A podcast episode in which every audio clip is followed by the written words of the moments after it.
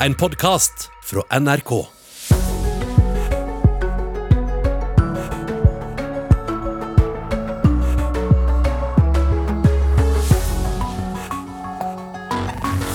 Mange av oss har testet oss for covid-19 og venta på svar i iallfall ett døgn, men så er det jo kommet hurtigtester som skal gi svar bare i løpet av et kvarter. Men hvor gode er de egentlig? skal få svar på det i løpet av Nyhetsmorgen i dag. Også skal du få høre at i USA så sier nå representanter for valgmyndighetene i en uttalelse at det ikke finnes bevis for at stemmesedler ble endret eller tapt under valget forrige uke. Hvor mange ganger har vi ikke hørt om for lite bassengkapasitet og at det går utover svømmeferdighetene? Det er dyrt å bygge nytt og mange kommuner har ikke råd. I Haugesund har triatlonklubben tatt grep. Nå bygger de egen hall for seg og kommunen.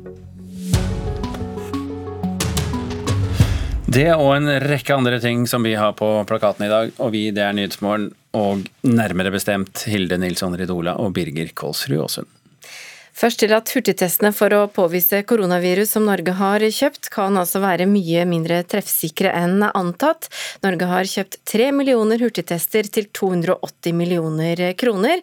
Nå viser en fransk studie at disse hurtigtestene, som eh, gir svar på covid-19-sykdom på 15 minutter, er langt mindre sikre enn tidligere antatt. Den er ikke like godt egnet til å fange opp virus hos personer som har gjennomgått sykdom. og Derfor så er det viktig at hurtigtester brukes på riktig måte, eh, og ikke som en full erstatning for laboratoriebaserte tester i alle tilfeller. Assisterende helsedirektør Espen Rostrup Nakstad sier kvaliteten på testen avhenger av hvem og når du tester. Det vi har sett i Norge er foreløpig er at hvis testen brukes på personer som er i en tidlig sykdomsfase, og som typisk ber om en test på en teststasjon, så har denne testen veldig høy sensitivitet. Reportere var Bjørn Atle Gildestad og Kristine Hirsti, og denne saken får du høre mer om utover dagen. Nå skal du derimot få høre om norsk politikk, eh, spesifikt AUF, som mener at moderpartiet Ap må være tøffere i skattepolitikken. Arbeiderpartiet har jo det siste sagt at de vil skattlegge rike hardere, men at det samlede skatte- og avgiftsnivået vil være på samme nivå som det Erna Solbergs regjering legger opp til.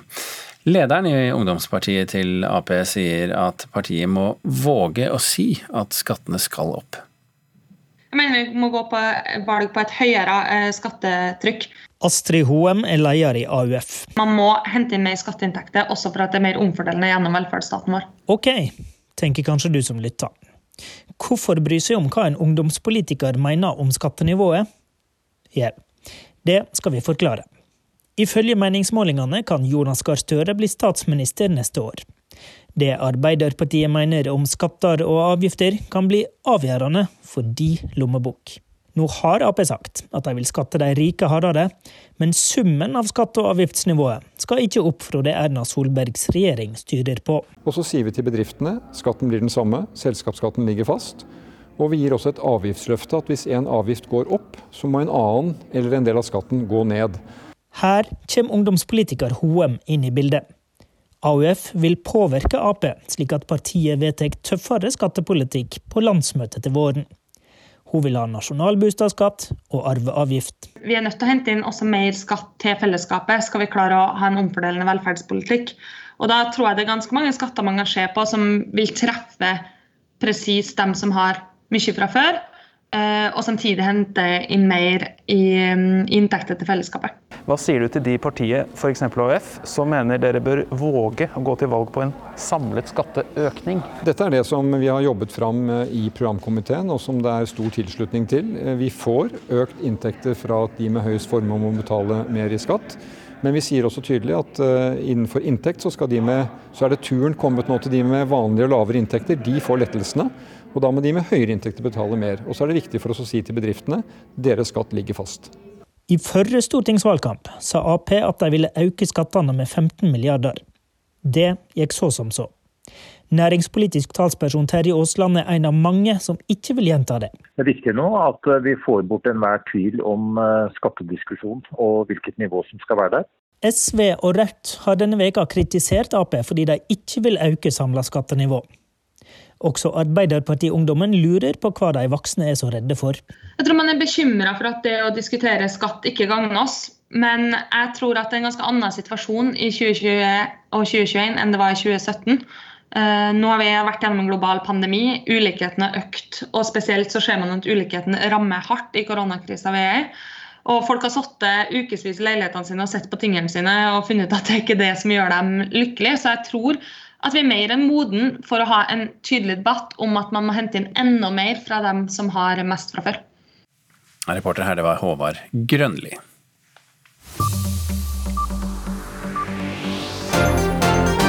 Og dette skjedde mens du sov. Representanter for USAs valgmyndigheter sier i en uttalelse i natt at det ikke finnes bevis for at stemmesedler ble endret eller gikk tapt under valget forrige uke.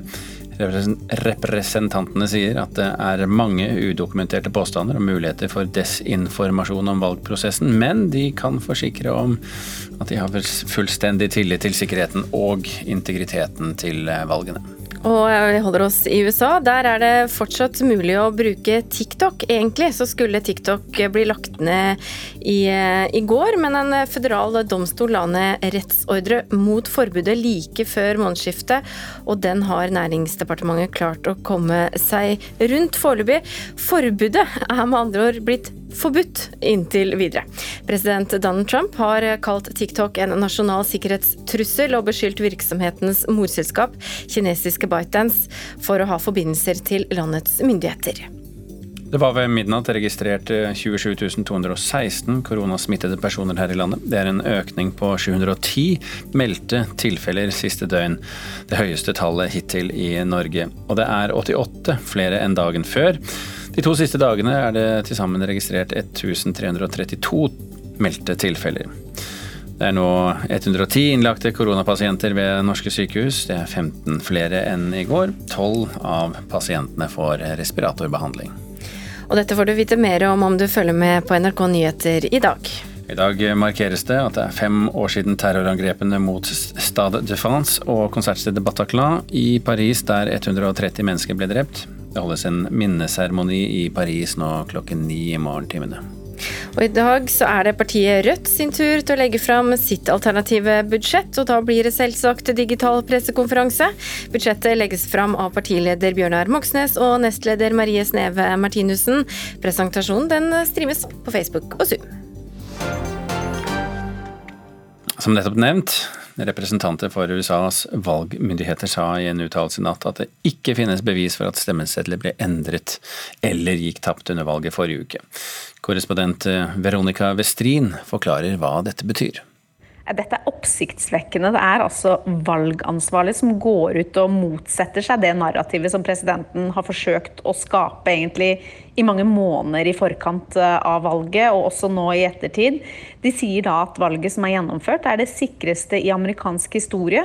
Og det står jo da i dyp kontrast til mange av den sittende presidentens påstander om valgfusk.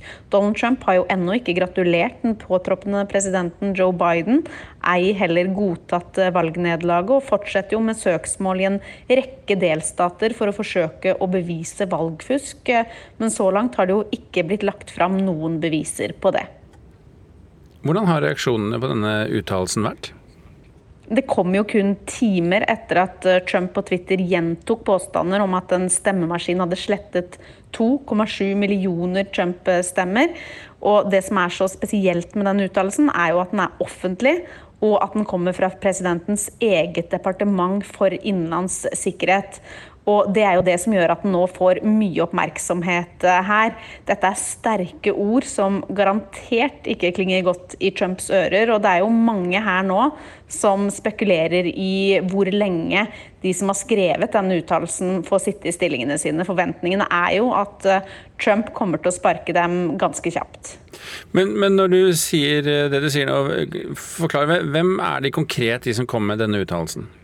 Det er da en komité som består av ansatte i en sånn eh, etat for nettsikkerhet og infrastruktur, sikkerhetsbyrå, som eh, er en underliggende etat i departementet, og med deres eh, valgpartnere. Og Det er da de som er ansvarlig for å hjelpe statene med å sikre stemmeprosessen. Og I uttalelsen de kom med, så heter det altså at folk bør ha full tillit til sikkerheten og integriteten til valget, og at det er udokumenterte påstander og muligheter for feilinformasjon om prosessen rundt dette valget. Og de legger vekt på at valgansvarlige over hele USA nå sjekker og dobbeltsjekker hele prosessen før det endelige resultatet fremlegges. De nevner ikke Donald Trump ved navn. Og det er verdt å legge vekt på at eh, disse er altså ansvarlige for infrastrukturen, stemmemaskinene, skannere og telling, så de svarer selvsagt ikke på alle Trumps eh, påstander. Ja, det var Veronica Westrin du hørte der. Nå til Haugesund, hvor Haugesund triatlonklubb blir trolig det første idrettslaget i Norge som bygger sin egen svømmehall. Klubben har nå sendt et formelt tilbud til kommunen om å tilby leie av svømmetid i de fem neste åra, og en avtale vil gi oss startskuddet for bygginga. Prosjektlederen i triatlonklubben mener at modellen den kan brukes av andre klubber og kommuner for å få bygget flere svømmehaller. Det er nok det første svømmeanlegget som bygges av en eh, egen idrettsklubb, som jeg vet om. Eh, fordi det har alltid vært sett på som en kommunal oppgave å bygge svømmeanlegg. Men det er det i utgangspunktet nødvendigvis ikke. fordi at nå kan triatlonsporten bygge utrolig mange anlegg, og så løser vi bassengproblematikken i hele Norge. I Haugesund har kapasiteten i kommunens eneste svømmehall, Haraldshallen, vært sprengt i mange år. En av årsakene er den voldsomme veksten Haugaland triatlonklubb har hatt siden oppstarten i 2012. Klubben, som nå er en av Norges største triatlonklubber, har derfor jobba lenge med et eget anlegg. En stor lettelse, faktisk. Det er noe vi har jobbet med nå i eh, flere år. Eh, og med full fokus de siste månedene etter at Haugesund kommune kom med utlysningen på Doffen. Eh, og endelig så er det nå mulighet for at dette luftslottet vårt kan bli reelt. Men nå er ikke planene om svømmehall med tilhørende treningsfasiliteter lenger noe luftslott for styreleder Pål Reksten. Prislappen er på 75 millioner kroner. Det skal jo inneholde alt som trengs for triatlonsporten. Eh, vi svømmer jo, og vi sykler og vi løper. Så da er det jo viktig å kunne tilby eh, treningsfasiliteter for samtlige grener. Nøkkelen ligger bl.a. i Haugesund kommunes behov for skolesvømming, noe som vil delfinansiere hallen. Haraldshallen skal nemlig rives, og et nytt folkebad skal bygges. I mellomtida står kommunen uten lovpålagt svømmetilbud til skoleelever, og ønsker derfor å leie svømmetid av en ekstern aktør i fem år. Og Nå har vi jo funnet en driftsmodell som gjør at dette er superinteressant for, eh, for kommunen og, og, for klubben, og kan være økonomisk bærekraftig. og Da, da begynner det å bli mye mer reelt og mye kjekkere å jobbe med. Mandag denne uka leverte Haugesund triatlonklubb inn et tilbud til Haugesund kommune som de håper politikerne vil vedta i desember. Om det er flere tilbydere, er ifølge kommunen unntatt offentlighet men kommunaldirektør Bjørnar Måleng håper på en rask avklaring. Vi må nå ta de evalueringene og følge de prosedyrene som eh, loven sier at vi skal gjøre, og så må vi komme tilbake til informasjon om dette her seinere. Når regner vi med å kunne ta en avgjørelse? Jeg tror vi har et sted, Tidlig neste uke så er vi klare med våre vurderinger av det som nå foreligger, og hvordan vi skal gå videre i Haugesund kommune. Vi vil i hvert fall ha noen anbefalinger til våre politikere i formannskapet den 18.11. Prosjektleder Ivar Jacobsen mener modellen klubben har valgt, kan adopteres av andre kommuner og triatlonklubber med tilsvarende behov. Så Det er en modell som vi har utvikla som nå gjør at norske kommuner etter hvert kan bygge triatlonanlegg uten at det koster kommunene noen ting annet enn å være leietager til skolesvømming i anleggene. Og Haugesund blir i så måte en foregangsby hvor vi får dette anlegget til skoleidrett. Så kommer det et folkebad på et senere tidspunkt. Og Det blir òg veldig veldig bra, fordi at da får du et anlegg til skoleidrett, og så får du et anlegg som folkebad til folk flest, hvor det kan være åpent hele tiden. Klubben har en rekke ressurspersoner som medlemmer, og har brukt hundrevis av timer på dugnad for å jobbe fram både tegninger og den beste drifts- og finansieringsmodellen. Dette ønsker Jacobsen at triatlonsporten skal få gevinsten av gjennom å dele på kunnskapen. Vi har ikke hatt råd eller anledning til å bruke konsulenter på alt, og det tror jeg har vært kjempesmart. Fordi at vi har greid å tenke ut løsningene sjøl. Vi har sparra med Kulturdepartementet, vi har snakket med masse revisorer i forhold til driftsmodell. det er kjekt å finne ut av ting. og, og er det én ting denne prosessen har vært for meg og mange andre, så er det jo enormt lærerikt. Og den kunnskapen skal vi dele med triatlonsporten. Ja, og reporter her, reporter her, det var Gisle Jørgensen, og så hørte du også til slutt prosjektleder Ivar Jacobsen i Haugesund triatlonklubb.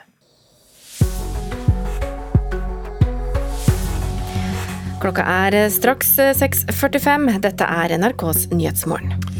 Hurtigtester for å finne ut om du har covid-19, det er jo selvfølgelig veldig praktisk for oss, eh, men er de gode nok? En fransk studie viser at de er mer usikre enn vi tidligere visste. Privateide kinoer får 60 millioner i kompensasjon fordi de må stenge, mens kommunale kinoer må betale tilbake den støtten de har fått hittil. Heng med oss videre. Du skal få høre om eh, NRK superprogramleder Viktor eh, Sotberg, FlippKlipp-Viktor, som opplevde både dødstrusler og plaging på skolen. Men først til vintersport, Birger. Det er ikke noe gøy der heller. I går ble det klart at det ikke blir noe verdenscuprenn i langrenn, hopp og kombinert på Lillehammer i begynnelsen av desember. Skiforbundet bestemte seg for å utsette disse konkurransene. For skiløperne så var det en ganske tung beskjed å få, selv om de jo egentlig var forberedt. Ja, De går helt utrolig. Det er en uh, maktdemonstrasjon av Norge. Det blir en annerledes skisesong, og rennet på Lillehammer blir nok ikke det eneste som må utsettes eller avlyses. Johannes Høsflot Klæbo sier det er leit at eh, det ikke blir noen verdenscup eh, i OL-byen. Det er synd. Man hadde jo gleda seg til å gå og gleda seg til å, til å, konkurrere, og det er jo alltid noe eget å konkurrere på, på hjemmebane. Samtidig så er det jo sånn at uh, man har jo full forståelse for at eh, det er en vanskelig situasjon som man er i. Han håper at det blir ski på TV i denne pandemivinteren også. Jeg føler at det, det er nok negative nyheter eh, som kommer eh, hver eneste dag, så jeg tror jo at eh, det hadde vært positivt å ha litt underholdning på TV igjen. Men samtidig så, som jeg sier, har jo, man har jo full tillit til at det valget som er tatt. og støtter jo det fullt ut, selvfølgelig. For hoppkvinnene er utsettelsen ekstra kjedelig. De kommer ikke i gang med sin verdenscup før 23.1, ettersom flere renn er avlyst i Japan. Det er ikke bra, sier Maren Lundby. Det er ganske kjedelig, men eh, jeg forstår jo selvfølgelig eh, sånn situasjonen er nå. Så er det ganske høy økt eh, smittetrykk.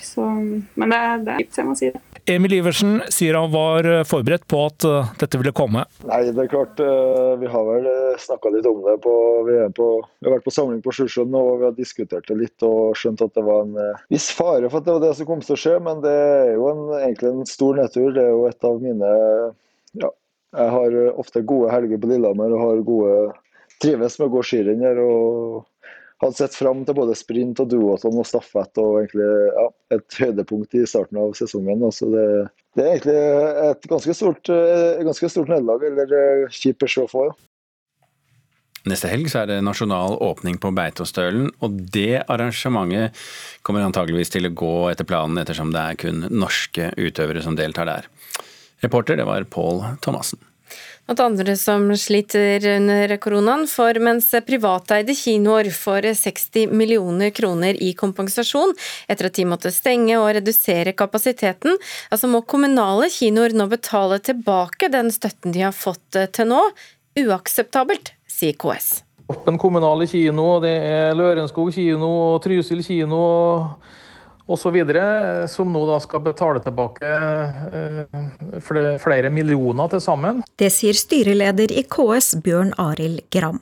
Det er totalt 20 kommunale kinoer over hele landet som nå blir bedt om å betale tilbake kompensasjonen de fikk for tapte billettinntekter. Gram sier de er overrasket over at Kulturrådet nå snur. Han sier det er også oppsiktsvekkende at kravet om tilbakebetaling kommer samtidig som at privateide kinoer får 60 millioner kroner i kompensasjon. Og Det er jo et tankekors at store kommersielle aktører får betydelig med kompensasjon, mens små og mellomstore kinoer i Distrikts-Norge tydeligvis skal betale tilbake allerede innvilga støtte. Det kan vi i grunnen ikke akseptere. Det er eh, forferdelig sårt og, og, og, ille for, for, dem, men vi må jo behandle søknadene innenfor den eh, ramma som forskriften gir. Det sier seksjonsleder i Norsk kulturråd, Guri Langmyr Jåkev. Hvordan henger det på grep at eh, privateide kinoer nå, eh, nå får 60 millioner kroner i kompensasjon, mens små kinoer i Distrikts-Norge må betale tilbake det de har fått? Det handler om at kommun, kommunen, da, som da er i realiteten en søker, eh, ikke passer inn i forskriften fordi at den skal Eh, i hovedsak eh, Altså søkerne må i hovedsak formidle eller gjøre kunst og kultur tilgjengelig for allmennheten for å få rett på kompensasjon. Og det treffer rett og slett ikke kommunene. Nå håper styrelederen i KS at Norsk kulturråd gjør om på vedtaket. Det er svært overraskende, og det bør jo rettes opp. De kan selvfølgelig klage på dette vedtaket, og da vil endelig avgjørelse falle hos departementet.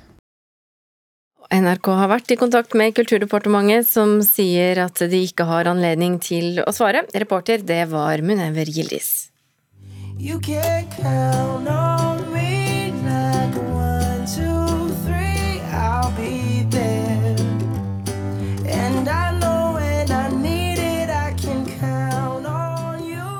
Count On You, Bruno Mars. Og Grunnen til at vi spiller denne for deg nå, det er at det er jo en sang som har blitt eh, veldig populær på videodelingsappen TikTok.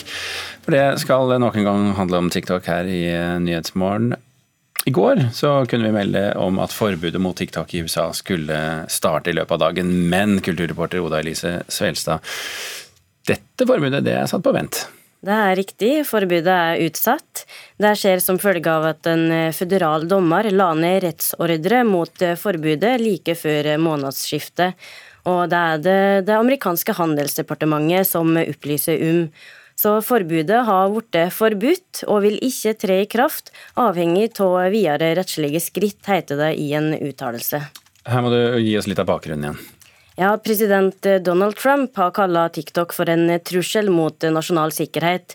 TikTok er eid av det kinesiske selskapet ByteDance, og Trump anklager ByteDance for å dele data om amerikanske brukere til kinesiske styresmakter. TikTok har hele tida avvist det, men tidligere i år ga Trump eh, likevel TikTok et ultimatum. Enten selge den amerikanske virksomheten, eller så vil den bli forbudt i USA. Så hva skjer nå, da? Ja, det er det jeg lurer på. Ifølge Reuters vil Justisdepartementet anke rettsorden. Eh, ByteDance har prøvd å få til en avtale med Walmart, eh, Walmart and, eh, og Oracle, og TikTok har bedt om å få tid til å ferdigstille forhandlingene. TikTok har 100 millioner brukere i USA, så nå blir det bare å vente og se om, om de amerikanske brukerne får fortsette å bruke TikTok eller ikke. Inntil videre får de i hvert fall. Ja. Ok, Oda Elise Svelstad, takk skal du ha. Nå til eh, Viktor Sotberg, kjent programleder i NRKs populære YouTube-kanal eh, FlippKlipp. Han er aktuell med ny bok. Der skriver han om oppveksten sin og hvordan det var å oppleve mobbing og utenforskap. Jeg vil fortelle til barna at de ikke er alene, sier han i kveldens sending av Lindmo.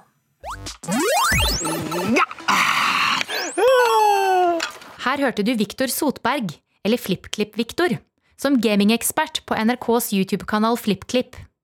Energisk, blid og god på spill. Det er i hvert fall sånn mange kjenner han. Og han er superpopulær blant kidsa. Men det har ikke alltid vært sånn. Jeg var en liten snåling, egentlig, vil jeg si. Jeg var jo veldig energisk og veldig glad. En teatergutt, da, vil jeg også si. Eh, så jeg var jo litt utafor også. Nå er han ute med bok der han har skrevet om oppveksten sin. Her forteller han om en hverdag preget av mobbing og utenforskap på ungdomsskolen. Det gikk fort over til at eh, de begynte å plage meg ganske heftig, egentlig. Og da fortsatte det og ble mobbing ut ungdomsskoleårene, egentlig. Og da skjedde liksom alt ifra knuffing i gang, gangene, mobbing, truing, dødstrusler, telefon, terror Konstant plaging på skolen. liksom. Det er spesielt én episode han husker godt, og det var den gangen han var på tivoli med en venninne. Jeg husker at jeg møtte han en som eh, plaga meg skikkelig på skolen. Han satt øverst i et sånt pariserhjul og satt med liksom ei, ei dame i hver arm. Jeg husker Det så sykt tydelig. Det er så klisjé òg, vet du. Jeg sitter med ei dame i hver hånd og bare ser etter meg og roper etter meg liksom, foran alle sammen. bare roper etter meg og bare hey, er den jævla homo, nå skal jeg komme meg ned fra det pariserhjulet, og så skal jeg drepe deg, og så spytta han etter meg. Han skammet seg over å bli mobbet, og turte ikke si noe til foreldrene sine. For han ble dataspill en redning fra mobbingen. Det at Viktor setter fokus på et samfunnsproblem som mobbing, er utrolig bra. For jeg tror at det kan inspirere flere ungdom til å ha mot til å bry seg, si fra dersom de ser at noen blir mobba. Og ikke minst ta ansvar for seg sjøl og bry seg om de rundt seg. Sier Regine Oen Hatten fra organisasjonen MOT, som arbeider mot mobbing i skolen. Hun synes det er viktig med sterke rollemodeller for unge. For Sotberg er det viktig å fortelle barn at de er ikke alene. Vi er flere som har opplevd det, og, og, og vi kan stå sammen om det. liksom. Jeg vet det er lett for meg å si nå, for jeg er ute av den dritten, liksom. Og da håper jeg i hvert fall at det kan hjelpe dem litt da, å høre at flere også har hatt det sånn. Reporter her, det var Kristin Sverre Østensvik. Over til en eh, koronaoppdatering, for det er registrert en ny smitterekord sist siste døgn. Reporter Trine Svanholm Misje, kan du gi oss da en oppdatering? Ja, det er registrert 710 eh, smittetilfeller i Norge siste døgnet. Det er 88 flere tilfeller enn det som var registrert døgnet før, og det er da det høyeste tallet som er blitt registrert på et døgn i Norge hittil. Og sist Eh, sist det var registrert over 700 tilfeller, da var det 3. november. Da var det 704 tilfeller. Det har blitt meldt om høye smittetall i det siste, da sammenligna med, med, sommeren. Hvordan ser høsten ut så langt? Ja, nå er vi jo nesten halvveis i november, og så langt i måneden så nærmer vi oss antallet smittetilfeller som vi hadde til sammen i oktober. Eh, I hele oktober så var det registrert totalt 6997 smittetilfeller, og hittil i november så er det meldt om 6074 tilfeller. Det viser da de foreløpige tallene fra MSIS, som er det nasjonale meldesystemet for smittsomme sykdommer. Hva er status for sykehusinnleggelser, da? Og eh, Tallene for sykehusinnleggelser har gått oppover i november. Eh, torsdag så var det 110 koronapasienter som var innlagt på sykehus. Ehm, og Det er da 15 flere enn det var dagen før. Og 12 av pasientene får eh, respiratorbehandling. Og så Til sammenligning så eh, er det høyeste tallet på sykehusinnleggelser siden pandemien starta. Da var det 318 innlagte. Takk skal du ha, reporter Trine Svanholm Misje, og du følger det også på nrk.no nyheter. Og når vi nå en gang snakker om nrk.no, så ligger jo eh, den viktigste saken der akkurat nå, det er jo den saken som vi også har i radioen og TV-en, og som vi forteller om i dag, nemlig denne studien eh, som forteller at disse tre millioner hurtigtestene vi har kjøpt her i landet, kanskje ikke er så effektive som eh, man har ventet. Det skal vi snakke mer om etter klokka sju her i Nyhetsmorgen. Og så skal vi slenge ut et spørsmål til, eh, til deg nå, nemlig følgende. Forutsatt at du har bil. Eh, kunne du klart deg uten bil i din hverdag? Noen har jo liksom tatt i bruk disse deleløsningene allerede med sånn bybil og nabobil, men hvor nært forhold har vi egentlig til bilen vår? Vi skal stille det spørsmålet, du kan tenke på det litt i mellomtiden. Og så kan jeg fortelle at vi da får en gjest som skal være med oss fra NAF, som kan fortelle oss noe om um, hva de tror De kjenner jo den norske bilpopulasjonen ganske godt, og hva tror de skal til for at vi her i landet går over på løsninger sånn som de har i Finland, der flere og flere kvitter seg med privatbilen. Mm. Vi kan ta med noen eh, nyheter som også har eh, kommet eh, nå. At Dominic Cummings, statsminister Boris Johnsons fremste politisk rådgiver, slutter før nyåret. Det melder britiske medier. En høytstående kilde ved statsministerens kontor sier ifølge BBC at Cummings vil være ute av regjeringen innen jul. Twitter har flagget 300 000 meldinger om valget i USA som potensielt villedende i de to ukene før og etter nåtiden etter valget. Det opplyser selskapet selv. Og det tilsvarer 0,2% av de valgrelaterte meldingene på plattformen mellom 27.10 og 11.11. Så viktig i seg selv, men ingen sånn enorme mengder. Kanskje litt avhengig av hvordan man ser det. Og så har amerikanske valgmyndigheter sagt en uttalelse at det ikke finnes noe bevis for at stemmesedler ble endret eller gikk tapt under valget forrige uke. President Donald Trump har nekta å innrømme nederlaget mot utfordrer Joe Biden. Presidenten har gjentatte ganger kommet med udokumenterte påstander om valgfusk. Da, mine damer og herrer, er klokka snart sju. Det betyr Dagsnytt her i Nyhetsmorgen. Tone Nordahl står klar med siste nytt.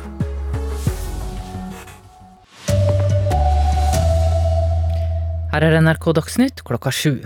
Representanter for valgmyndighetene i USA sier nå at det ikke finnes bevis for at stemmesedler ble endret eller gikk tapt under presidentvalget forrige uke.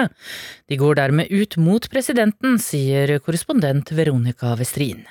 Dette er oppsiktsvekkende. Det er altså valgansvarlig som går ut og motsetter seg egentlig det narrativet som president Donald Trump har forsøkt å skape egentlig i mange måneder i forkant av valget og også nå i ettertid. Og de sier da at valget som er gjennomført, er det sikreste i amerikansk historie. Noe som står i dyp kontrast til mange av den sittende presidentens påstander om valgfusk. Donald Trump har jo ennå ikke gratulert den påtroppende presidenten Joe Biden, ei heller godtatt valgnederlaget. Og han fortsetter jo da med søksmål i en rekke delstater for å forsøke å bevise valgfusk, men så langt har det ikke blitt eh, lagt fram beviser på det.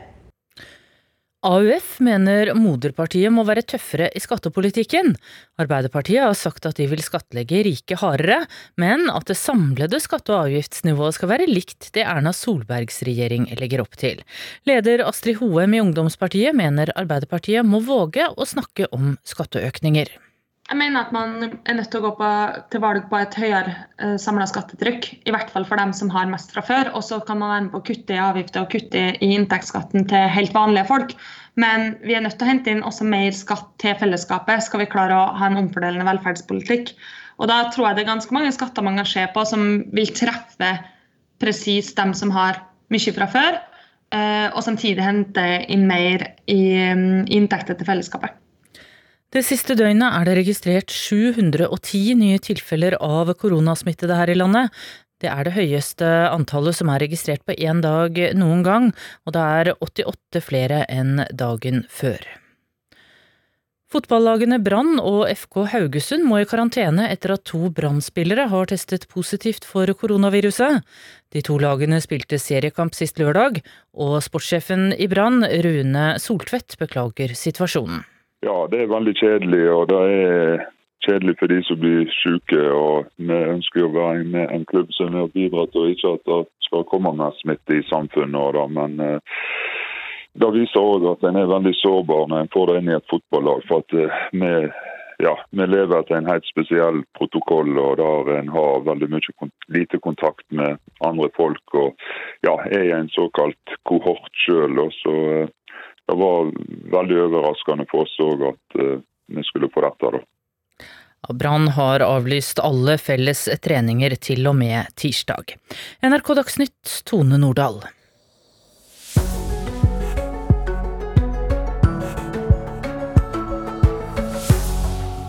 Det er altså registrert 710 nye koronasmitta i Norge sist døgn, noe som er det høyeste antallet her i landet så langt. Men hurtigtestene som det ble jubla for, er ifølge en fransk studie langt mindre sikre enn tidligere oppgitt. Valget i USA var det sikreste i amerikansk historie. Det sier valgmyndighetene i en uttalelse. Det fins ingen bevis for direkte juks.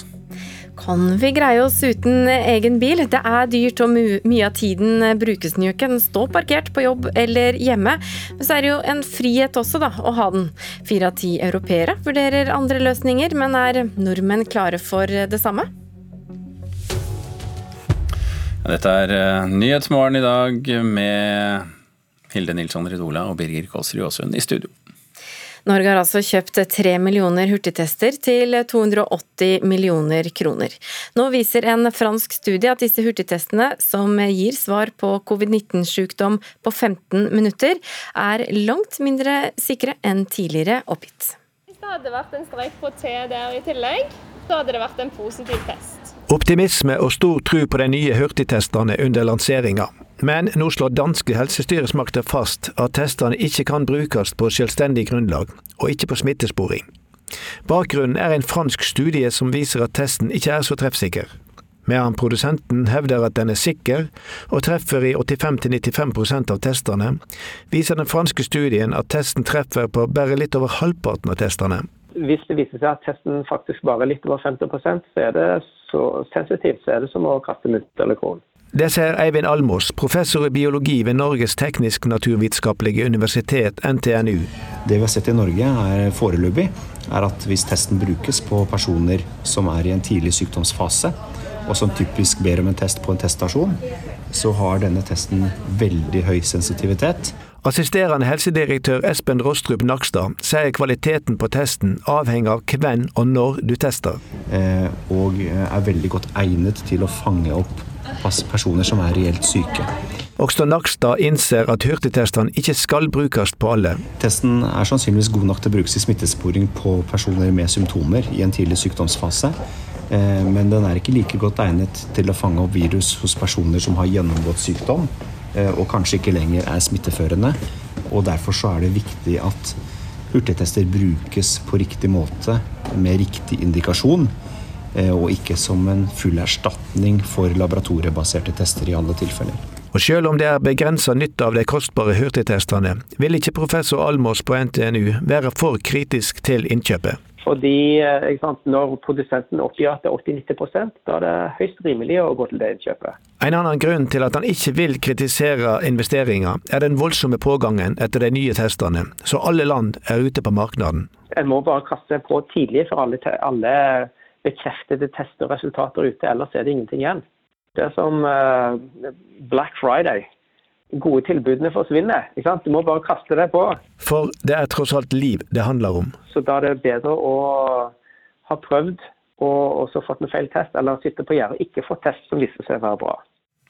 Reportere her, det var Bjørn Atle Gildestad og Kristine Hirsti skal handle om koronasmitte i Politisk kvarter også i dag, programleder Astrid Randen, men et spesifikt eh, tema.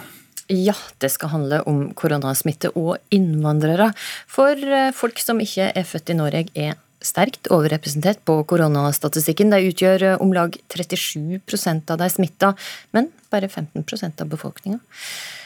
De tar ikke like mye ansvar som oss. De bryr seg ikke like mye som oss, sier FrPs eh, Jon Helgheim, som hevder vi kanskje kunne hatt mindre strenge tiltak i Norge om innvandrerbefolkninga hadde tatt like mye ansvar. Slike utsagn blir det jo debatter. Han møter helseminister Bent Høie, som sier Skam, det er viruset sin beste venn, og at det hjelper lite å peke ut syndebukka. Dette har vi prøvd før, sier han, med alpeturister, svenskehandlere og sydenfarere. Det fører ikke noe godt med seg. Det er eh, drøye halvtimen til. Eh, Politisk kvarter. Asir Randen i studio i dag. Nå tatt, eh, Kan vi greie oss uten den eh, bilen, Birger? Kommer litt an på hva vi skal ja. gjøre. Men hva hvis du har tilgang på bil når du har behov for det? Eh, en slags abonnementsordning som inkluderer også tog, buss, taxi og sykkel. Denne løsningen fins faktisk allerede og har mange brukere i Helsinki i Finland. Men spørsmålet tilbake til deg. Vil nordmenn klare det? Du står her, du har en uh, sykkel og skal hjem med matvarer. Det går bra, altså? Det går bra. Det er bare å ikke handle så mye. Ellers får jeg ta bilen. Heide Mari Olsen er på vei hjem fra matbutikken på Bryn i Oslo med sykkel. Hun har en dieselbil, men bruker den helst ikke pga. høye bompengesatser. Det, det, å eie en bil, eh, betyr det noe for deg? Ja, det betyr noe for meg fordi jeg har foreldrene mine i Vestfold. Eh, og hvis det skulle være noe med de, de er 76 og begynner å skrante, så er det kjekt å kunne vite at man kan komme dit raskt. Så hvis du da visste at du i et abonnement kunne få tak i en bil omtrent på flekken og ta den turen, så ville det vært helt greit? Ja, istedenfor å ha en bil med årsavgifter og vedlikehold og Det koster ganske mye å ha en bil the usage of a car is normally 4%. Dette er Sampo Hietanen. Han er gründer og etablerte for flere år siden et tilbud kalt WIM i den finske hovedstaden Helsinki.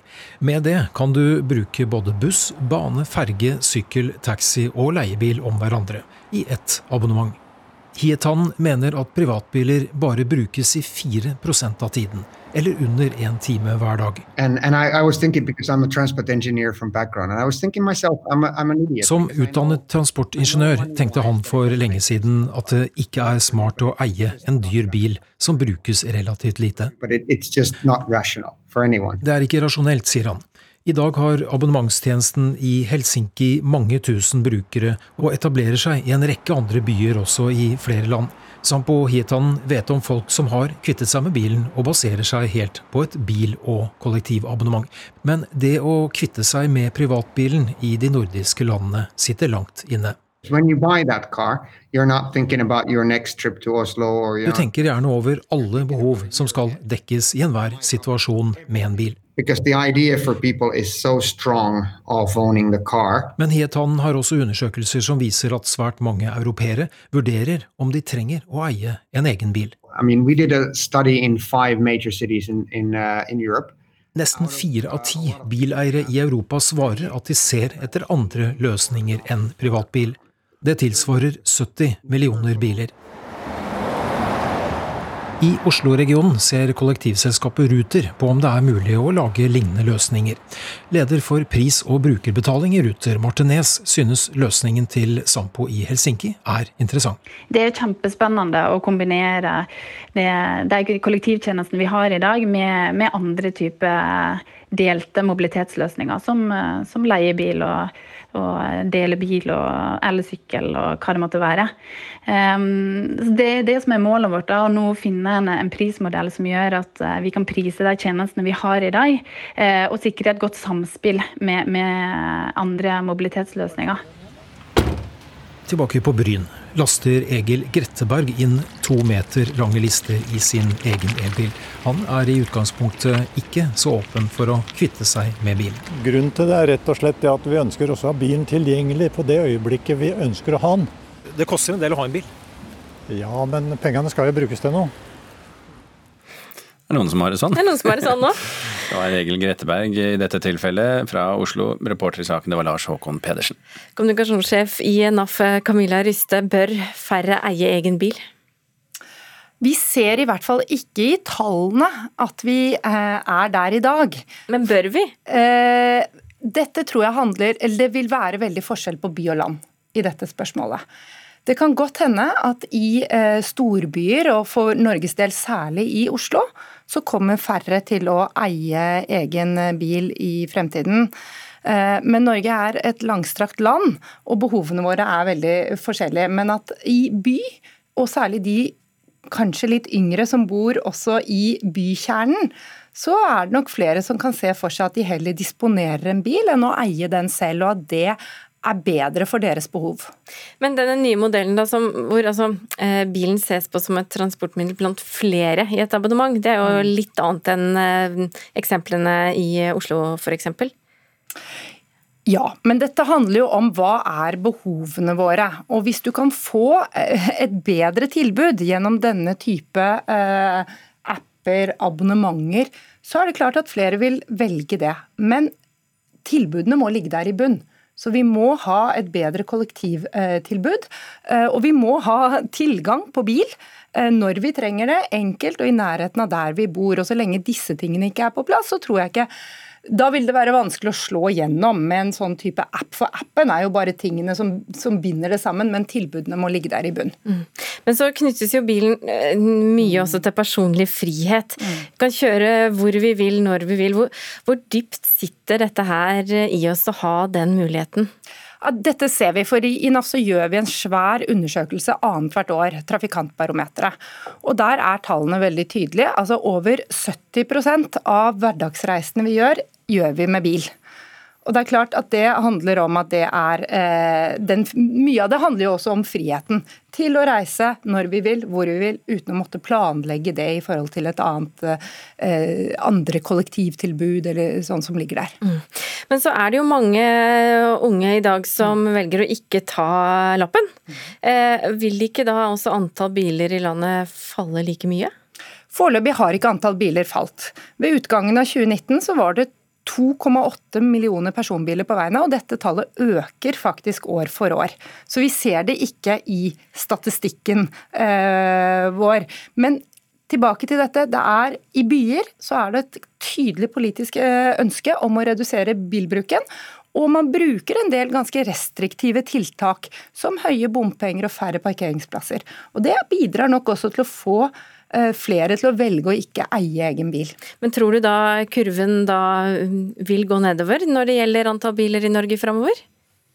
Det syns jeg er vanskelig å, å, si, fordi igjen, Norge er langstrakt. Eh, mange steder i landet har vi behov eh, for bil, og vi ser jo at utenfor byen så er det primært dette med elektrifisering av bilparken man satser på for å få bukt med miljøutfordringene som må løses. Men tilbake til i by. i Folk som bor i liksom sentrumsnære områder i by, der vil det nok bli færre som velger å eie egen bil. Og så er det da miljøaspektet og klimaaspektet som du er eh, inne på her. Eh, bør ikke da også antall biler gå ned, ikke bare typen? Nå er det jo som sagt elektrifisering av bilparken som er det store tiltaket for å få ned utslippene fra eh, bilparken. Og jeg tror at hvis du skal få færre til å eie bil, da må, du i hvert fall, da må vi se en helt annen satsing på utbygging av kollektivtransport i hele landet enn det vi har i dag. Så som sagt, jeg er i tvil om antall biler vil eh, falle. Vi ser det ikke i tallene foreløpig, og da må det i så fall satses enormt mye mer på kollektivtilbudet enn det det blir gjort i dag. Takk skal du ha, kommunikasjonssjef i NAF, Camilla Ryste, som er gjest her i Nyhetsmorgen. Idet klokka er 16 eh, minutter over eh, sju. Hurtigtester for covid-19 er jo veldig praktisk, men er de gode nok? Spørsmålet stilles fordi en fransk studie viser at de nå er mer usikre enn eh, tidligere oppgitt. Valget i USA var det sikreste i amerikansk historie, sier valgmyndighetene i en uttalelse. Det finnes ingen bevis for juks. Senere skal vi få høre om flere kulturhus her i Norge som sliter økonomisk, men kan heller ikke søke kompensasjon for eh, korona. Hvordan det henger sammen, det skal du få vite snart. I dag er det fem år siden, det, eh, fem år siden 130 mennesker ble drept i en rekke terrorangrep i Paris i Frankrike. Gjerningsmennene angrep seks ulike steder i den franske hovedstaden, og det aller verste rammet eh, konsertstedet Bataclan, der eh, det amerikanske bandet Eagles of Death Metal så vidt var i gang med sin konsert.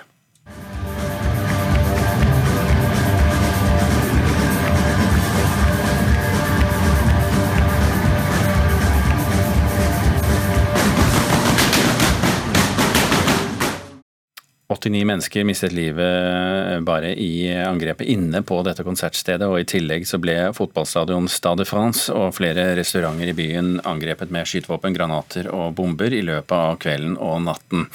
Ekstremistgruppen IS tok på seg ansvaret for angrepet. Ingeborg Misje Bergem, doktorgradsstipend ved Universitetet i Oslo, god morgen. God morgen. Du bodde jo i Paris da dette angrepet skjedde, og var i nærheten av en av restaurantene som ble angrepet. Hvordan opplevde du kvelden? Det var veldig dramatisk, men det som først og fremst var, gjorde det ekstra skremmende, altså det var jo alvoret, men også at det skjedde så mange angrep eh, på en gang. At det var så koordinert. Eh, og at man da ikke klarte å ta gjerningsmennene med en gang. Eh, så det var en tilstand av frykt veldig veldig lenge, eh, der man ikke visste hvor neste sted som skulle bli angrepet, var. Eh, så folk ble bedt om å holde seg inne. Jeg var inne i tre dager etterpå, fikk ikke, turte ikke gå ut.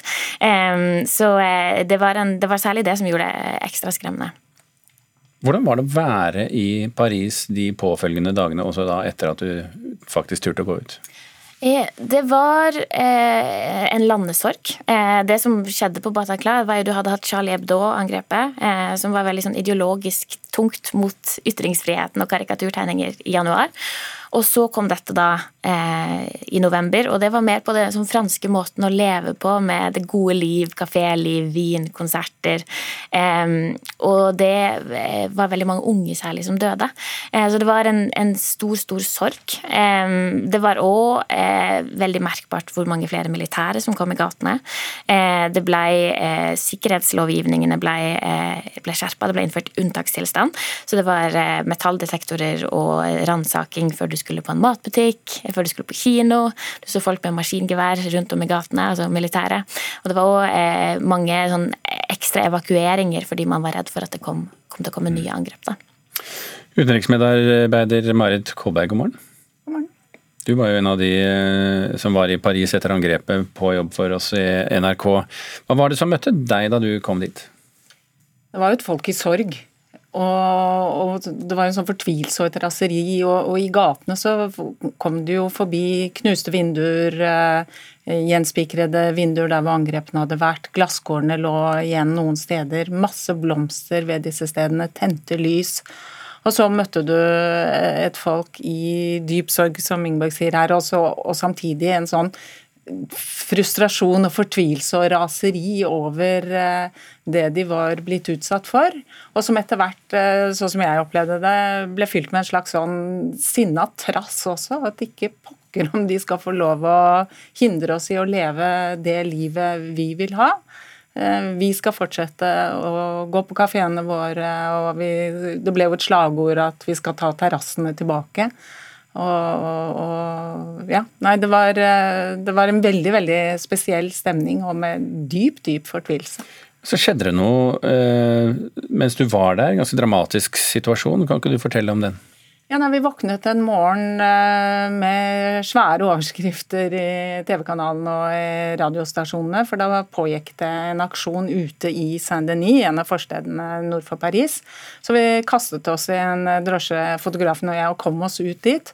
Og der eh, møtte vi jo sperringer, eh, masse soldater og politi, og det pågikk en aksjon i en leilighet hvor man mente at eh, en av gjerningsmennene, eller hjernene bak dette angrepet, kunne være.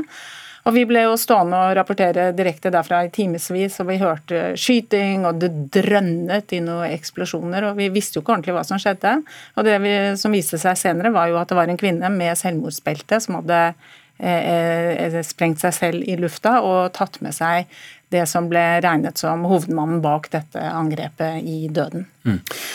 Ingeborg Misje Bergheim, nå, nå, er jo ikke dette det siste terrorgreiene som har skjedd i Frankrike. Det har jo vært en rekke angrep de siste årene. Bare i høst så har vi jo hatt tre ulike angrep der. Hva har det gjort med franskmenn og det franske samfunnet, sånn du ser det? Eh, for hver sånn terrorhendelse, og det har vært mange, eh, så eh, intensiveres og polariseres debatten om islam i Frankrike ytterligere. Og i Frankrike så de har en lang og problematisk historie med islam. Og islam og terrorisme sammensauses gjerne i, den, i, i samfunnsdebatten. Da. Det som først og fremst har skjedd, er jo den frykten og følelsen av å leve i en krigstilstand. President Hollande sa i 2015 at vi er i krig krig. og eh, det at det kommer så mange angrep etter hverandre, eh, forsterker jo den følelsen. Da. Og eh, IS' tilstedelseværet på fransk jord og den trusselen det utgjør, ble også da veldig tydelig for franskmenn. for Charlie Hebdo ble kanskje, man trodde kanskje det var en engangshendelse, men så kom det igjen da i november, og så igjen og igjen og igjen. Så Bataclan er jo den det blodigste hendelsen i den lange kapitler med terrorhendelser. Men Kan ikke du utdype det litt? Hva gjør det med retorikken i det franske samfunnet? Eh, altså, eh, du får jo For hvert sånn terrorangrep som skjer, så eh, vokser det ekstreme høyre. Eh, og det er Marine Le Pen og Nasjonal Samling, som det nå heter, for det heter Front National. og så er det da politikere eh, mer mot midten, sånn som Macron, som da prøver å veie opp for den veksten på høyresida. Gjerne da med å stramme inn eh, altså ha en strengere retorikk mot islam og innvandring. og det er jo naturlig av, av valgårsaker at han er nødt til å demme opp for det. Men problemet er jo at terroristenes mål er å så splid mellom uh, franske muslimer uh, og storsamfunnet. Og ved å stramme til i retorikken og tiltak, da, så kan jo man risikere å spille opp i hendene til terroristene. da. Marit Kolberg, du dro jo tilbake til eh, Paris noen måneder etter dette angrepet igjen. og Så møtte du bl.a. støttegruppen eh, for disse ofrene for angrepet for eh, fem år siden. Hva har vært viktig for dem? Jeg reiste ned sammen med den norske 22. juli-gruppa, faktisk, og var med på et møte mellom de to. Og det som jo kjennetegner disse støttegruppene, og som det dessverre blir flere og flere av, er jo nettopp det at eh, dette er jo ikke over. Selv om det er fem år siden angrepet, så er det jo 300 mennesker som ble skadet i novemberangrepene i Paris. Og de lever jo med posttraumatisk stressyndrom, store traumer. Eh, mange har fysiske skader som har endret livet deres. for for alltid. Og Den franske staten har jo opprettet eh, støtteordninger som skal hjelpe dem. og Det disse støttegruppene gjør, er jo da å hjelpe folk til å søke så de kan få penger og den hjelpen eh, de kanskje trenger. Men også det å etablere det som man kan kalle en slags sånn sidemannsstøtte. Da. At de treffer hverandre og får snakket med hverandre og får utvekslet erfaringer og kanskje kan hjelpe hverandre videre. Du har jo en annen støttegruppe etter NIS-terroren. og ja, Mm. Dessverre så har det blitt eh, flere av slike grupper eh, i løpet av disse årene. Ok. Fem eh, år siden i dag, altså. Angrepet på Bataclan og en rekke andre steder. Ingeborg Misje Bergem og Marit Kolberg, takk for at dere var med og fortelle om det. Nå til at eh, flere kulturhus sliter økonomisk, men kan ikke søke om eh, kompensasjon eh, for korona. Rundt 200 små og store kulturhus her i landet er nemlig drevet som samvirke, og ifølge prosjektet Huset i bygda er ikke kompensasjonsordningene tilpasset dem. Halsnøy kulturhus i Kvinnherad er blant dem som har nådd smertegrensen. Jeg tenkte nå skulle jeg holde meg for å bli sånn, men jo, jeg, jeg kjenner det. Det er kjempetrist. Daglig leder Tone Lise Jonassen står i et av festlokaler på Halsnøy kulturhus, men baren er tom. Alle fester og arrangement er avlyste på ubestemt tid. Det sier styreleder Wenche Trovik. Vi har jo prøvd og prøvd og prøvd å ha arrangementer, og, men eh, det er jo rett og slett økonomien som gjør nå at vi kom til det stykket at nå har vi prøvd det vi kan, og nå orker vi ikke mer. Avisa Kvinneringen skrev først om saka. Det totale koronatapet er på opp mot 1,5 millioner kroner, ifølge Kulturhuset sjøl. De har fått 40 000 kroner totalt i kompensasjon. Samvirkeforetak kan altså ikke stå i Frivillighetsregisteret, og det må de for å komme inn i kompensasjonsordninga. Det finnes noen smutthull, men reglene er kompliserte. Selv jeg som jobber med dette har litt vanskelig med å tolke regelverket. Og det er urimelig at folk som driver dugnad skal bli satt til, til en sånn jobb. Det sier Kristoffer Knagenhjelm, som er rådgiver i prosjektet Huset i bygda, som fremmer kulturbygg. Han sender ei oppmoding til kulturpolitikerne, slik at alle de samvirkedrivende kulturhusene kan få igjen penger for tapte inntekter. Det aller enkleste der er at eh, man, det er et utgangspunkt i vedtektene.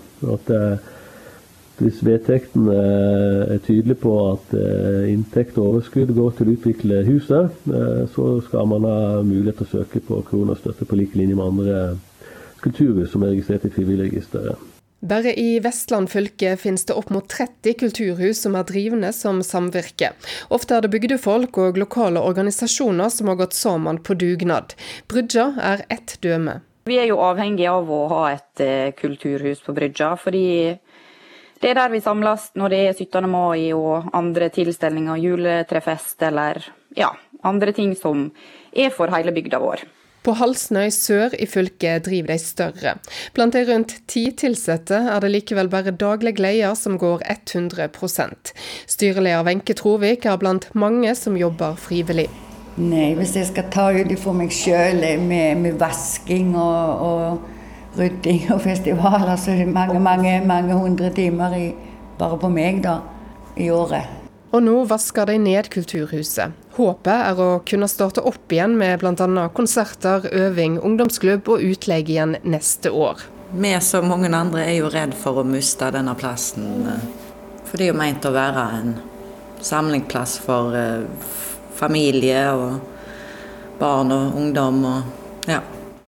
Og i en e-post NRK bekrefter Kulturdepartementet reglene for kompensasjon. De har ikke svart på spørsmål om det er aktuelt å gjøre endringer. Reporter Eli Bjelland. Etter eh, Dagsnytt nå så skal vi få høre mer om at eh, eh, Egentlig spørre spørsmål. Kan krav om utleie stoppe massenedleggelse av norske småbruk? Det blir det mer om etter at Tone har hatt nyhetene. Men så er det også fredagspanel i dag, Birger. Må ikke glemme det. Nei, det er jo ukens høydepunkt for hele Norge. Og vi skal plukke opp tråden litt fra dette, fra dette siste innslaget her, nemlig å stille spørsmålet når det gjelder kulturlivet vi skal stille litt sånn dommedagsaktig spørsmål. Kommer det til å gå bra til slutt? Kommer publikum til å komme tilbake? Jeg er ikke helt sikker på om optimismen er enorm i Fredagspanelet i dag. Og så kan vi stille spørsmålet om det er egentlig bra for ytringsfriheten at programledere driver og avbryter når pressetalsmannen i Det hvite hus står og forteller det hun forteller, og så sier at dette kan vi dessverre ikke sende. Ekko. Vi gir folk tid til å snakke ut, slik at du får mer å snakke om. Man kan her både se for seg et type overvåkningssamfunn basert på kjærlighet, eller i andre enden av skalaen at du har en ekstrem politistat hvor myndighetene vet alt om deg til enhver tid.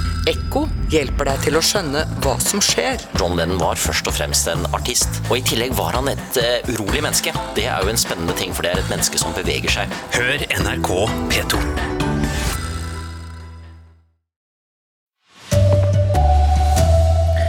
Hurtigtestene Norge har kjøpt kan være lite treffsikre, viser ny studie. Det finnes ikke bevis for valgjuks i USA, sier valgmyndighetene. Og privateide kinoer får milliardstøtte, mens de kommunale må betale tilbake. God morgen, her er NRK Dagsnytt, klokka er 7.30. Ja, Vi starter altså med hurtigtestene Norge har kjøpt. De eh, kan være mye mindre treffsikre enn antatt. Norge har kjøpt tre millioner hurtigtester for covid-19 til 280 millioner kroner. Nå viser en fransk studie at testene som gir svar på 15 minutter, er langt mindre sikre enn tidligere oppgitt. Hvis det hadde vært en streik på T der i tillegg, så hadde det vært en positiv test.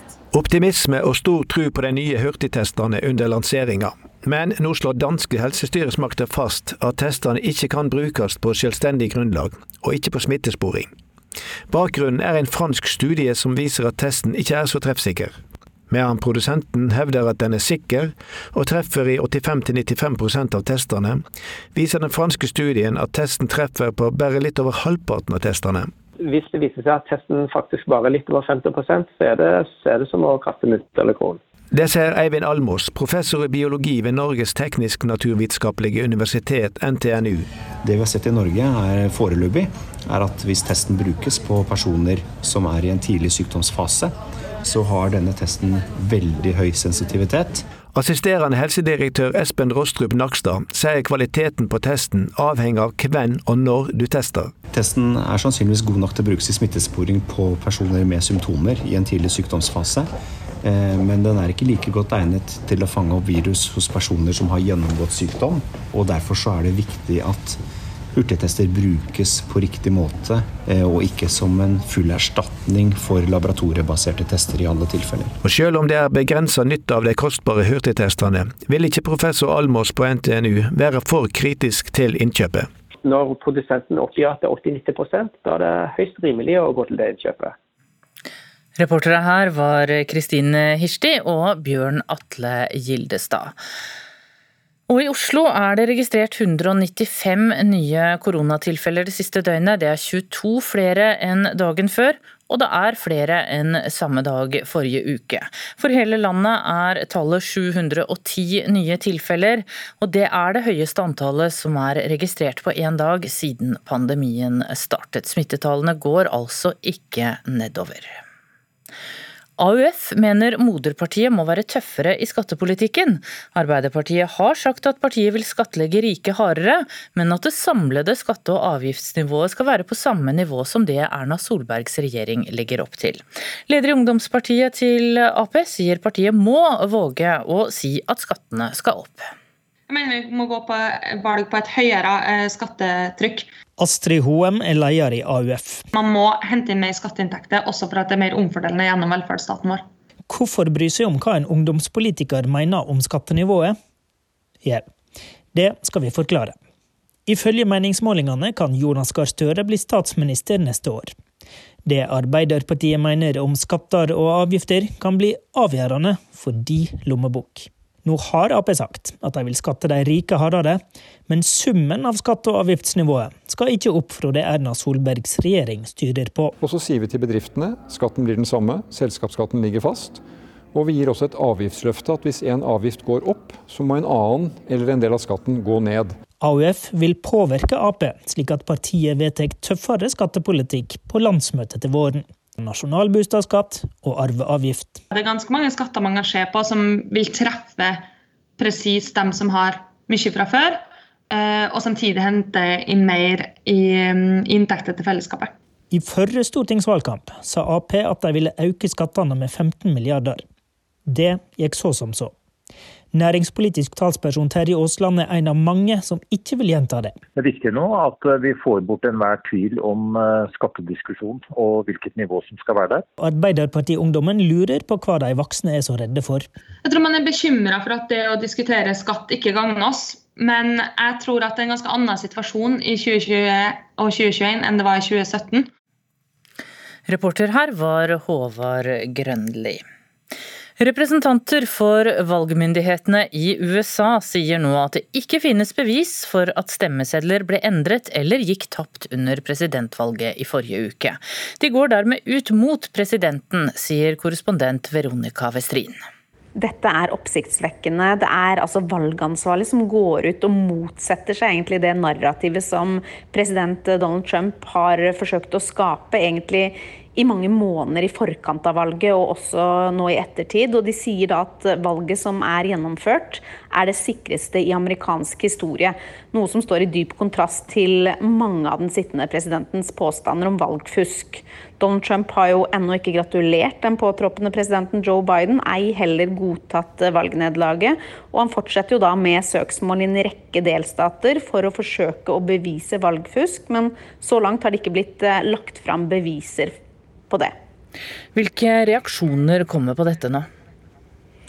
Dette får mye oppmerksomhet her. Det kom jo kun timer etter at Trump på Twitter gjentok påstander om at en stemmemaskin hadde slettet 2,7 millioner Trump-stemmer. Og det som er spesielt med uttalelsen, er jo at den er offentlig, og at den kommer fra presidentens eget departement for innenlands sikkerhet. Eh, det er sterke ord som garantert ikke klinger godt i Trumps ører. Og mange her nå spekulerer jo hvor lenge de som har skrevet denne uttalelsen, får sitte i stillingene sine. Er du klar for å selge privatbilen og bare ha bil gjennom en abonnementsordning? I Finlands hovedstad kan ett og samme månedskort nå gi tilgang til både leiebil, drosje og sykkel. Nå skal en lignende modell vurderes i Oslo, men Oslo-beboer Heidi Marie Olsen mener egen bil har stor verdi. Ja, det betyr noe for meg fordi jeg har foreldrene mine i Vestfold. Eh, og hvis det skulle være noe med de, de er 76 og begynner å skrante, så er det kjekt å kunne vite at man kan komme dit raskt the usage of a car is normally 4%. Dette er Sampo Hietanen. Han er gründer og etablerte for flere år siden et tilbud kalt WIM i den finske hovedstaden Helsinki. Med det kan du bruke både buss, bane, ferge, sykkel, taxi og leiebil om hverandre i ett abonnement. Hietanen mener at privatbiler bare brukes i 4% av tiden, eller under én time hver dag. Som utdannet transportingeniør tenkte han for lenge siden at det ikke er smart å eie en dyr bil som brukes relativt lite. Det er ikke rasjonelt, sier han. I Oslo-regionen ser kollektivselskapet Ruter på om det er mulig å lage lignende løsninger. Leder for pris- og brukerbetaling i Ruter, Marte Nes, synes løsningen til Sampo i Helsinki er interessant. Det er kjempespennende å kombinere de kollektivtjenestene vi har i dag, med, med andre typer delte mobilitetsløsninger, som, som leiebil og, og delebil og elsykkel og hva det måtte være. Reporter var Lars Håkon Pedersen. Så til en av bransjene som sliter under korona. Mens privateide kinoer får 60 millioner kroner i kompensasjon, må de kommunale kinoene nå tilbakebetale støtten de har fått. Det er uakseptabelt, mener KS. Lørenskog kino og Trysil kino osv., som nå da skal betale tilbake eh, flere millioner til sammen. Det sier styreleder i KS Bjørn Arild Gram. Det er totalt 20 kommunale kinoer over hele landet som nå blir bedt om å betale tilbake kompensasjonen de fikk for tapte billettinntekter. Han sier det er også oppsiktsvekkende at kravet om tilbakebetaling kommer samtidig som at privateide kinoer får 60 millioner kroner i kompensasjon. Og det er jo et tankekors at store kommersielle aktører får betydelig med kompensasjon, mens små og mellomstore kinoer i Distrikts-Norge tydeligvis skal betale tilbake allerede innvilga støtte, det kan vi i grunnen ikke akseptere. Det er eh, forferdelig sårt og, og, og, ille for, for, dem, men vi må jo behandle søknadene innenfor den uh, ramma som forskriften gir. Det sier seksjonsleder i Norsk kulturråd, Guri Langmyr Jåkev. Det handler om at kommunen, da, som da er i realiteten en søker, eh, ikke passer inn i forskriften fordi at den skal Altså Søkerne må i hovedsak formidle eller gjøre kunst og kultur tilgjengelig for allmennheten for å få rett på kompensasjon. Reporter her var Munever Gildis, og Kultur, Kulturdepartementet sier de ikke har hatt anledning til å svare på NRKs spørsmål i denne saken. Ansvarlig for Dagsnytt Hans Christian Eide, i studio Tone Nordahl.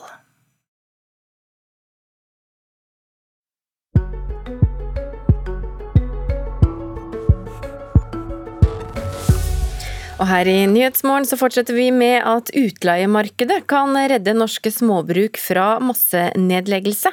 Det mener Småbrukerlaget og Bondelaget. Bruk går ut av drift hver eneste dag. Samtidig så har etterspørselen etter leie eksplodert. Men folk tviholder på eiendommene. På Kvaløya har iallfall det å få leie ført to leiebønder flere skritt nærmere drømmen om et småbruk. Står der eh, tomater og så var det en agurkplante der. Ja. På et lite høgreist småbruk innst på Kvaløya bor Marit Arneberg og Oda Løge. De er leiebuere på et bruk som sist var i drift på 50-tallet. Det er jo litt eh, sånn småvedlikehold som vi gjør hele tiden. da. Blant annet taket bak fjøset der har eh, ramla helt sammen. Og så har vi jo Kjellerlemmen. Kjellerlemmen, ja, var helt ødelagt. Og så har vi malt litt her inne. Her er de høner, potetåker og drivhus, og ikke minst drømmen om å drive sjøl. Her var det jo ikke drevet noen ting, da, men når vi kommer med den lille gnisten og ønsket om å lære og muligheten til å teste Det har jo ikke vært aktuelt for oss å kjøpe noe som helst når vi ikke har peiling på noen ting. Det ville jo vært en mye høyere terskel. Da. Men når man kan leie og teste litt her, så kan man på en måte se at ting funker, og det er gøy, og man blir litt sånn gira. da. De siste 50 åra har i snitt sju bruk gått ut av drift hver eneste dag. Men trass i stor etterspurnad etter småbruk, blir disse stort sett stående til forfall eller brukt som feriehus. Årsaka er ifølge leder i Småbrukarlaget, Kjersti Hoff, at folk ikke greier å selge bruka sine. Vi er en rik befolkning, så vi har eh, råd til å, å beholde det. Og så er det det som sitter langt inne i sjela, i ryggmargen, at det er veldig vanskelig å selge noe som du har veldig gode minner fra sjøl. Det er altså mer smertefullt for folk å selge gardsbruket sitt enn å se huset og løa råtne. Samtidig er det sjelden buplikt på disse gårdene. Bondelagene mener en derfor må begynne å leie ut dersom en ikke greier å selge. Før det detter så i hop, da. Slik at noen av ungdommene som har lyst til å drive, får lov å komme til. Og dette kan ha flere fordeler. Hoff tror nemlig det kan bli lettere å komme inn i jordbruket dersom du kan leie først. I tillegg vil det vedlikeholde hus og jord til seinere sal. Det som ikke blir eh, drevet, det gror igjen. Enten så blir det skog og kratt, men den terskelen for å begynne å bryte opp igjen skog, den er mye vanskeligere enn om du tar over et eh, jordareal som er greit å fortsette matproduksjon på. Spesielt i utkantene på Vestlandet og i Nord-Norge er dette så viktig at Erling Aaseng i Bondelaget vil at regjeringa skal gjøre det ekstra attraktivt å leie ut der. Mange deler av landet så er det en utfordring, fordi det er ofte pengesterke mennesker som vil ha en fritidsbolig, som kanskje er interessert i å både leie og eie denne type småbruk. Og I den konkurransen så kan det jo komme til kort av folk som vil bosette seg på bygda og, og, og kjøpe en slik livsstil. Men statssekretær i Landbruksdepartementet Vidar Skogan tror ikke skoen trykker der. Det er bra om kommuner tar tak i det her og lager bosettingsstrategier knytta opp imot at familier kan ha langtidskontrakter på å leie sånne småbruk. Men å lage noe eget tilskudd over jordbruket sine penger, det blir feil. Her er det jo også litt sånn eksperimentell fase hvor vi har grønnkål, er vel kanskje det vi har hatt mest suksess med. Altså. Samtidig har to leiebønder på Kvaløya høsta akkurat nok poteter, litt tomat og mer enn nok egg. Og da er det bare ett spørsmål som gjenstår. Er dere mer eller mindre lyst til å bo på et småbruk etter det lille året her. Definitivt mer. Ja, absolutt mer. Uten tvil. Ja. Vi tenker jo, Man må jo klype seg selv i armen. Er det, Ja. er det mulig å bo på en sånn plass som det her? Ja, Marit Arneberg Oda Løge hørte vi til slutt, og reporter i saken var Vilde Gjerde Lie. Stenging av skoler og barnehager bør ikke brukes som et smitteverntiltak for å hindre spredning av koronaviruset. Det er konklusjonen i en ny rapport som vi hører mer om etter åtte her i Nyhetsmorgen. I går så ba ordføreren i Strømstad svenske myndigheter om hjelp for å bedre forholdet til Norge. Mange av oss pleier å dra dit og handle, og kommunen lider hardt fordi grensene er stengt. En sosiolog vi skal høre fra etterlyser tettere og klokere samarbeid i eh, Norden. Det blir det altså mer om framover nå i eh, Nyhetsmorgen. Her er det klart for eh, Politisk kvarter, hvor programleder i dag er Astrid Randen.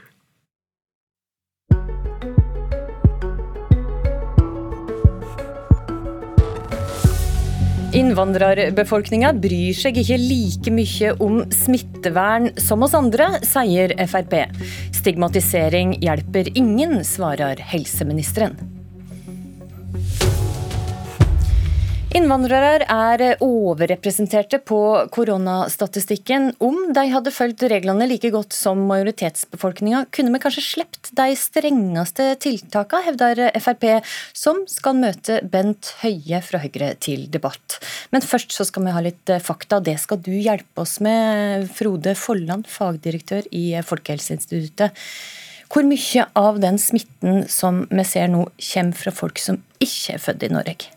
Ja, det er det vi har statistikk på. som du sier, De som ikke er født i Norge. og Det er litt ulikt for de ulike ukene og hvordan du setter opp dette. For hele pandemiperioden så ser vi at det er 34% som har smitte, eh, som har vært fra fødeland utenfor Norge. Og for de siste fire ukene så er dette tallet 39% Så det har vært en litt økende tendens. Det er økende, og Innvandrere utgjør 15% av befolkninga, så de er ganske kraftig overrepresenterte på statistikken. Ja, det kan vi si. Eh, og vi ser òg at de er overrepresentert i forhold til de som er innlagt eh, på sykehus, og som har mista livet i pandemien. Hva vet det om hva for grupper innvandrere som er mest utsatte? Vi har jo sett at det er litt ulike befolkningsgrupper som eh, har vært rammet av dette i ulike deler av eh, pandemien. I den første fasen var det mest folk fra Somalia.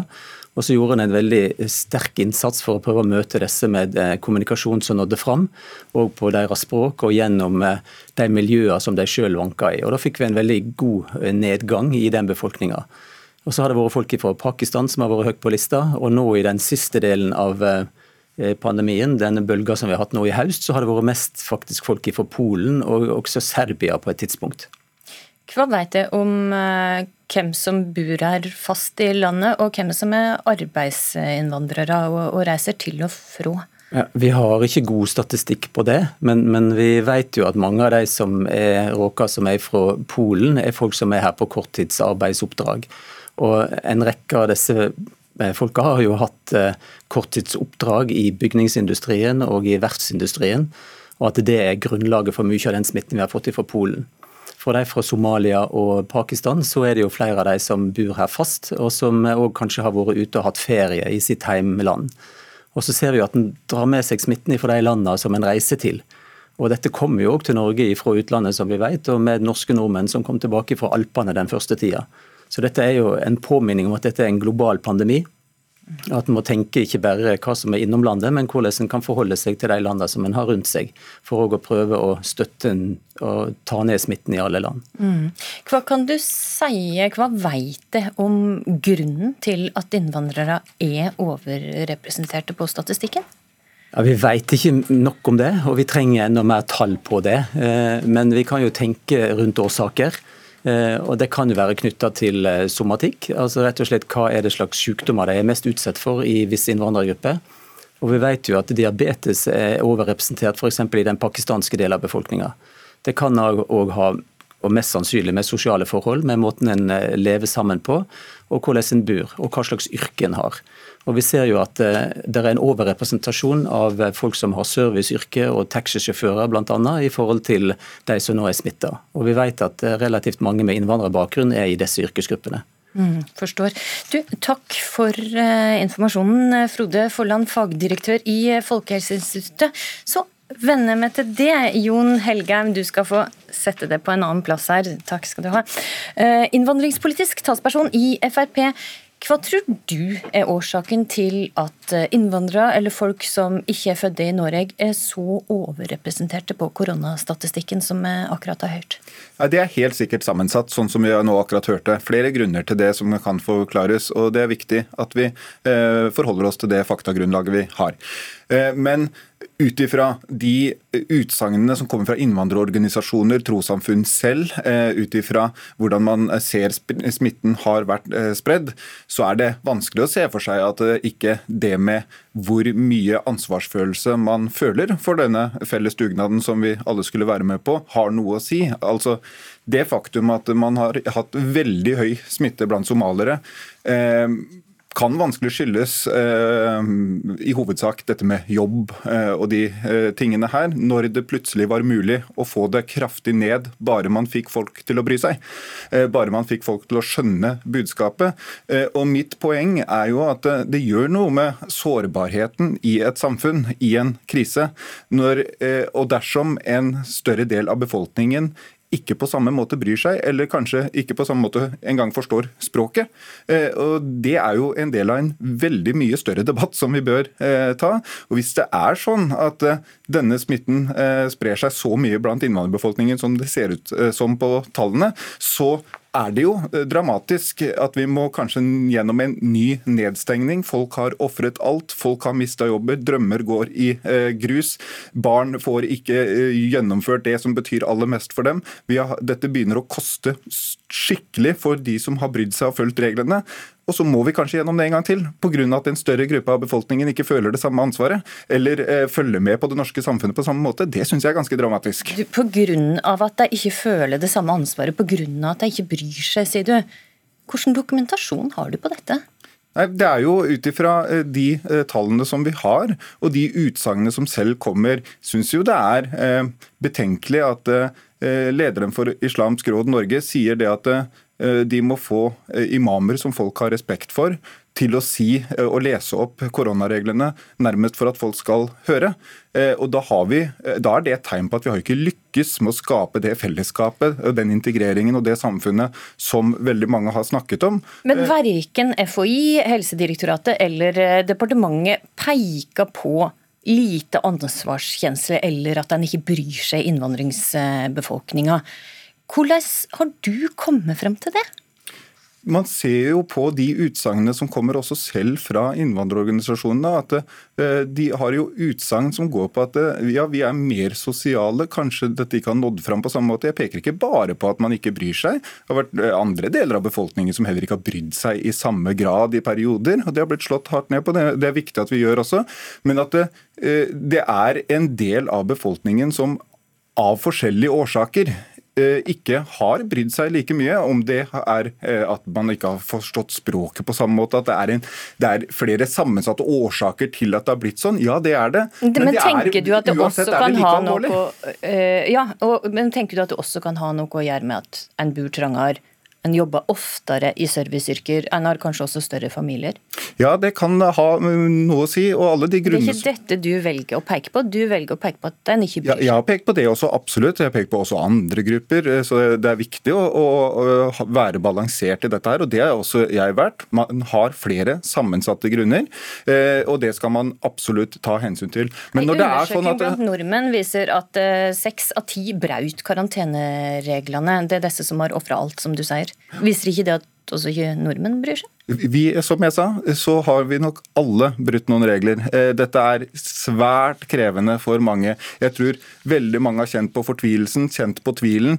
Eh, det har jeg selv gjort, men vi biter tenna sammen og prøver så godt vi kan. Men når smitten er så mye større blant innvandrerbefolkningen, eh, og de selv sier det at man kanskje ikke har tatt det nok på alvor, man har kanskje vært for sosial, man har hatt for store fester, man har ikke ikke fulgt eh, reglene når det kommer fra innvandrerorganisasjoner og trossamfunn selv, så har jeg ikke noe grunn til å tvile på at det også er en stor del av årsaken. Jeg har aldri sagt at det er hele årsaken, men at vi må kunne peke på dette uten at det skal bli sett på som stigmatiserende, når det faktisk er der smitten er. Og vi har pekt på veldig mange andre som ikke har hatt samme smitte. Helseminister Bent Høie fra Høyre.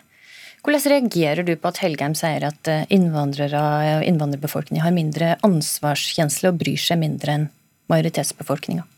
Nei, Det har vi absolutt ingen eh, indikasjoner eh, på. Tvert imot, som, som følgeren her sa, at når vi når fram med god informasjon, så ser vi jo det stikk motsatte.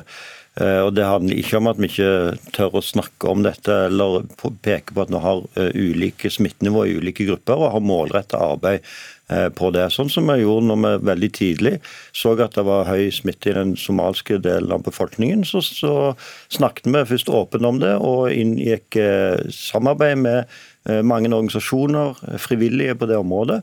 Og Da så han at en klarte faktisk å komme ned, og er egentlig nå underrepresentert i forhold til smitte. Så, Men hvis det, det, er slik da, at de bryr seg like mye som majoritetsbefolkninga, ja. for å lage også de, og for å for, og at de har like stor ansvarskjensle. Hva er det det har gjort feil, da? Siden det ikke når ut? Nei, det er rett og slett at dette er veldig krevende for mange. Er, for Det er jo liksom litt av hele poenget. Da, at det, det, gir ingen mening å si at fordi noen eventuelt ikke bryr seg, så må vi andre lide. For det er ikke sånn det foregår i en pandemi. Og det å prøve å stemple noen grupper som at de har større ansvar eller påføre skam i denne situasjonen, det virker mot sin hensikt. Hele historien for alle smittsomme sykdommer har fortalt oss at den type eh, måte å møte en smittsom sykdom på, fører til at viruset får bedre vilkår til å spre seg. Fordi det å stigmatisere grupper i en sånn situasjon, det betyr bare at eh, en f.eks. hever terskelen for å teste seg, hever terskelen for å være, være, være åpen. Og det er jo no... Så det er litt farlig det Helgem sier nå? Altså jeg mener at det, det, det, bidrar til ingenting positivt i den situasjonen. Men det som er viktig, det er å snakke om de konkrete utfordringene eh, som, som, er. og Derfor så, så, er det jo sånn at hvis vi, hvis vi, når vi ser at det er smitte i et område, ja, så snakker han med de menneskene som det gjelder, ber de om å, å, å følge opp, gir informasjon på rådet. F.eks. i, i Heggem sin egen by Drammen så er det jo frivillige med innvandrerbakgrunn som er helseambassadører, regi av Sanitetsforeningens kvinner.